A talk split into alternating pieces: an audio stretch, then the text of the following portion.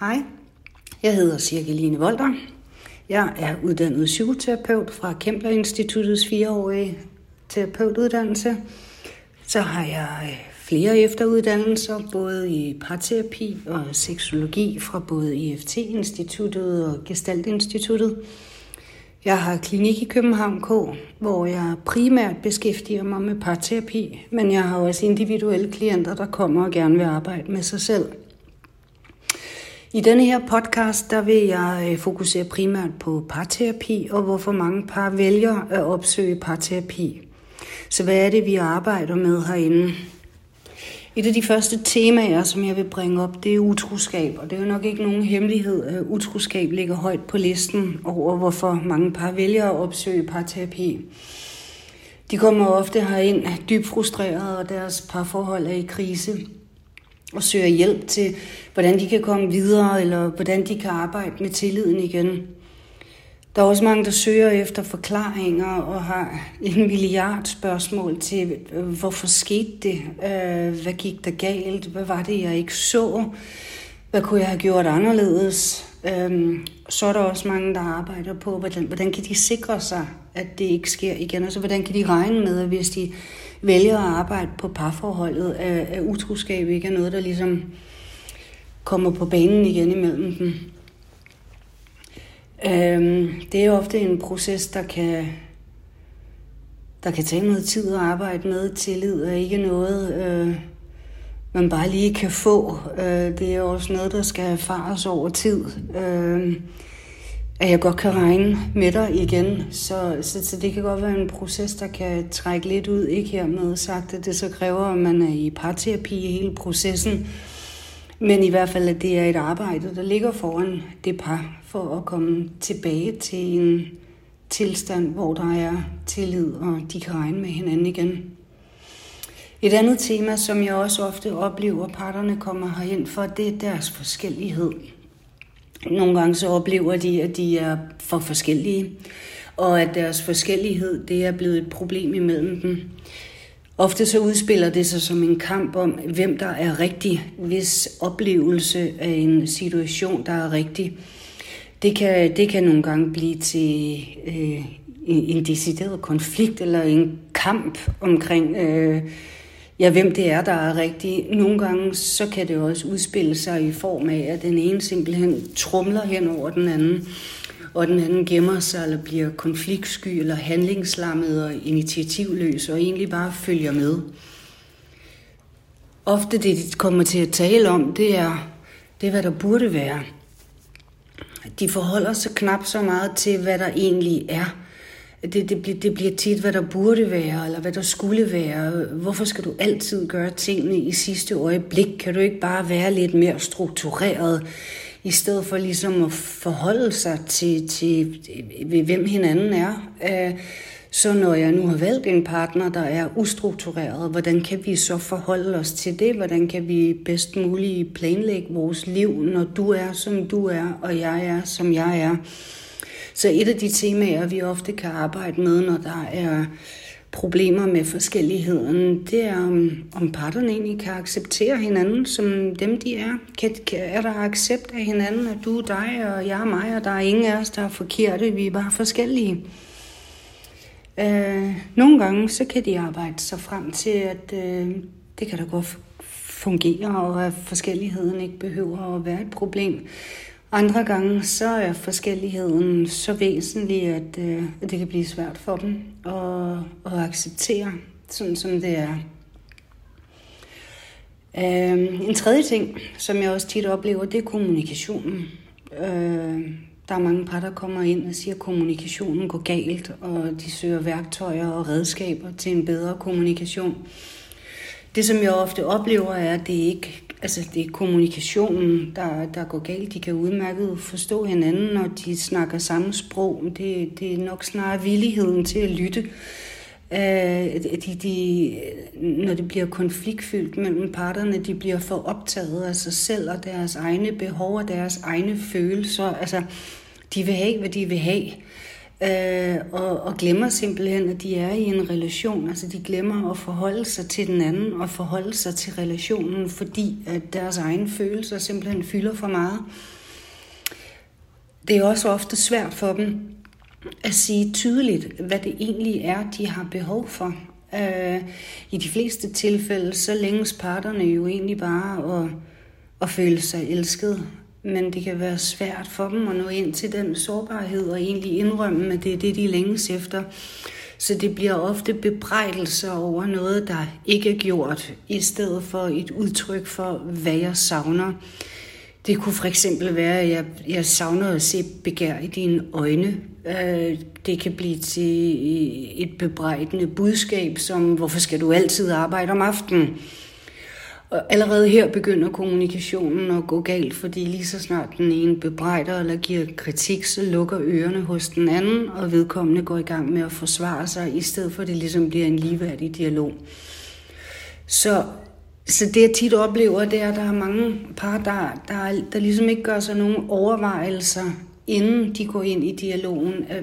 Hvad er det egentlig, de i virkeligheden længes efter? Øh, og, og, og hvad er det egentlig, det gør ved relationen? Altså, øh, hvis vi går ind i en relation, og vi begynder at kritisere den anden, så det er jo egentlig ganske simpel matematik, at, at kommunikationen den går galt. Øh, der er ikke nogen, der har lyst til at blive kritiseret. Så, så det er sådan lidt overvejelse om, hvordan, hvordan, går, hvordan går de ind i en dialog, og hvad er det egentlig, de har behov for at, at, at ligesom undersøge, hvad går der galt her. Der er også mange par, som der ligesom har antagelser øh, om hinanden, uden egentlig at have spurgt den anden, om de antagelser passer. Der er også meget kommunikation, der går galt i form af, at de begynder at vurdere hinandens behov. Altså, sådan burde du da ikke føle, eller det er ikke rimeligt, du har det, som du har det. Det er også tit, jeg oplever, at den ene begynder at tolke på, hvad den anden siger. Så, så når du løfter øjenbrynet på den måde, så betyder det nok, at du er vred. Øh, I stedet for at spørge, så der kan ligge utrolig meget usagt imellem parterne, og det er også ofte det, der går rigtig galt i kommunikationen. Så er der den, hvor øh, at parterne tænker, at de ikke behøver at sige det, fordi hvis du elskede mig nok, så ville du vide, hvad jeg havde brug for. Så den anden burde gætte mine behov, uden at jeg behøver at udtrykke dem. Og det kan jo være en faldgruppe til utrolig mange skuffelser, som også kan være en kæppe i hjulet for kommunikationen. Der er også mange, mange konflikter eller mange dialoger, hvor, hvor de begynder at forsøge at overbevise hinanden om, hvis oplevelse eller hvis følelse, der er mest rigtig. At din måde at opleve verden eller en situation på er ikke rigtig, og min er mere rigtig end din. Så, så meget af det, der ofte går galt i kommunikationen, det er i høj grad alt det, som der egentlig ikke bliver sagt øh, eller mangel på villighed til at lytte. Der er også mange par, der vælger at gå i parterapi, fordi hverdagen har taget overhånd, og de glemmer hinanden som par eller som kærester, og, og måske blevet mere forældre, eller kommer til at leve livet på en måde, hvor det hele handler om, om praktik og planlægning og effektivisering af hverdagen. Hvordan kan vi hurtigst muligt og smartest muligt komme, komme igennem ugen, så, så vi endelig kan slappe af i weekenden. Og ofte er de så udmattede, når de når til weekenden, øh, at de egentlig ikke engang får...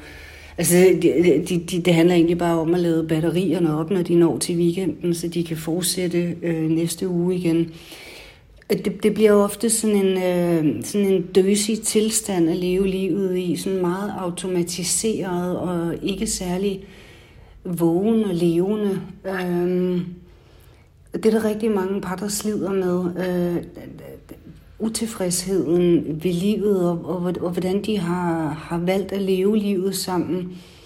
Så de kommer ofte i terapi sådan lidt for at og finde ud af, hvad, hvad giver mening for dem? Altså, øh, hvordan vil de gerne strukturere deres liv på en måde, hvor øh, der også kan være plads til at være kærester og par, og til leg, til spontanitet, til at have en oplevelse af at leve livet, i stedet for at overleve hverdagen. Så er der en, øh, en der også øh, fylder meget i parterapien. Det er, når par sidder fast i gamle mønstre, eller sidder fast i en, en konflikt, de simpelthen ikke kan komme ud af.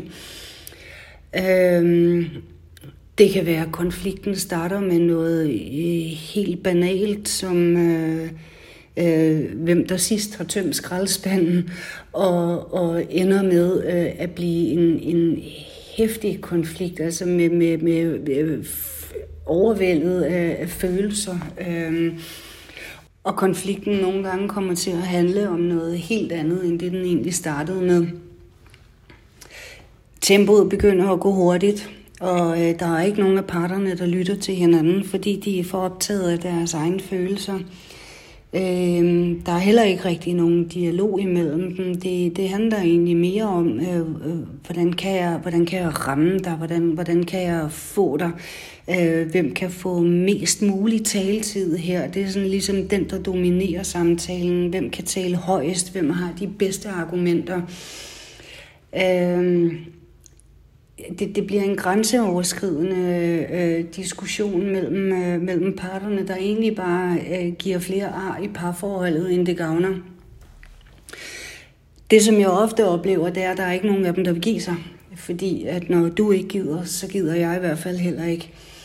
Så de sidder ligesom fast der i, i hver deres hjørne og kan ikke rigtig komme ud af det og venter på hinanden ofte det, der går galt her, når det er, at, parterne havner i sådan en konflikt, er, at de, de er blevet trigget af noget. Altså, de, de er blevet ramt af noget fra fortiden. Der er noget fra fortiden, der ligesom går ind og forstyrrer, hvad det egentlig er, der foregår imellem dem her og nu. Og de følelser, som de oplever i konflikten, de er heller ikke altid helt proportionelt øh, reguleret i forhold til, hvad det egentlig er, der, der, der er på spil i situationen. Ofte ligger der nogle, nogle øh, dybere følelser eller en, en længsel bag denne her konflikt, øh, som, som nok ikke handler om, hvem der sidst har tømt skraldespanden, men handler om, at jeg ikke føler mig prioriteret, eller jeg føler mig glemt. Og jeg har egentlig brug for øh, at mærke, at du elsker mig, men, men der, hvor de også tit sidder fast parne, det er, at de, de vil ikke vise sårbarheden. Så, så her bliver det igen til bebrejdelser, i stedet for at, at ture være selvafslørende og vise noget af sig selv, og egentlig bare gå til sin partner, partner og fortælle, hvad er det egentlig, jeg har brug for her. Så, så de sidder ligesom fast i det her mønster her, og kan ikke rigtig komme ud af det. Øh, og, og det, er, det er et mønster, mange par kan sidde fast i i mange år, hvor de egentlig bare oplever, at der kommer mere og mere afstand imellem dem. Både den følelsesmæssige intimitet og den fysiske intimitet øh, bliver mere og mere fjern for dem. Og stedigheden, den, den, det sidder de endnu mere fast i. De, de vil simpelthen ikke give slip. Øh, mange af de par, som der kommer her, de... Øh, de glemmer simpelthen, at de frivilligt har valgt hinanden. Altså, de, de, de behandler hinanden som hinandens modstandere, i stedet for at være på samme side. Så, så noget af det, øh, vi arbejder med i parterapien i sådan et tilfælde, det, det kunne være at finde ud af, hvad, hvad er det egentlig, de i virkeligheden længes efter. Øhm, og hvad er det, der, der ikke bliver sagt, eller hvordan kan de sige det på en måde, så der er bedst mulig sandsynlighed for, at de får det. Øhm, det kan også være, at vi kigger på, øh, hvad, er det, der, hvad er det, de bliver trigget af? Altså, hvad handler det om?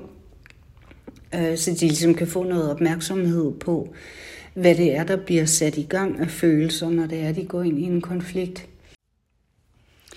Så, så i bund og grund handler det lidt om at skabe noget opmærksomhed på, hvad er det, der bliver sat i gang Øh, hvad er det, de gør, som der egentlig ikke virker i deres samtaler? Og, og hvad kan de gøre anderledes? Så øh, det kræver jo naturligvis, at der er noget vilje og noget motivation til at ville arbejde på parforholdet.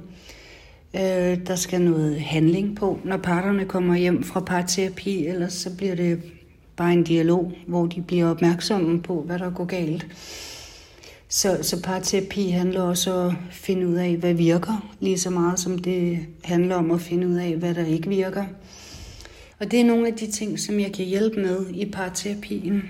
Øh, samtidig arbejde med, er der den vilje og motivation, der skal til for at lave forandringer i jeres parforhold? Er der mod til at turde vise sårbarheden, og til at vise, at den anden rent faktisk betyder noget? Så der kan være utrolig mange emner at arbejde med i parterapien, men fælles for dem alle er, at parterne er indstillet på at ville arbejde på det, og øh, er villige til at vende blikket indad og opdage, hvordan er det egentlig, de selv bidrager til, at de havner i denne her situation igen og igen. Så en stor del af parterapien, den handler egentlig om at skabe opmærksomhed. Opmærksomhed på, hvad det er, de gør, der ikke virker.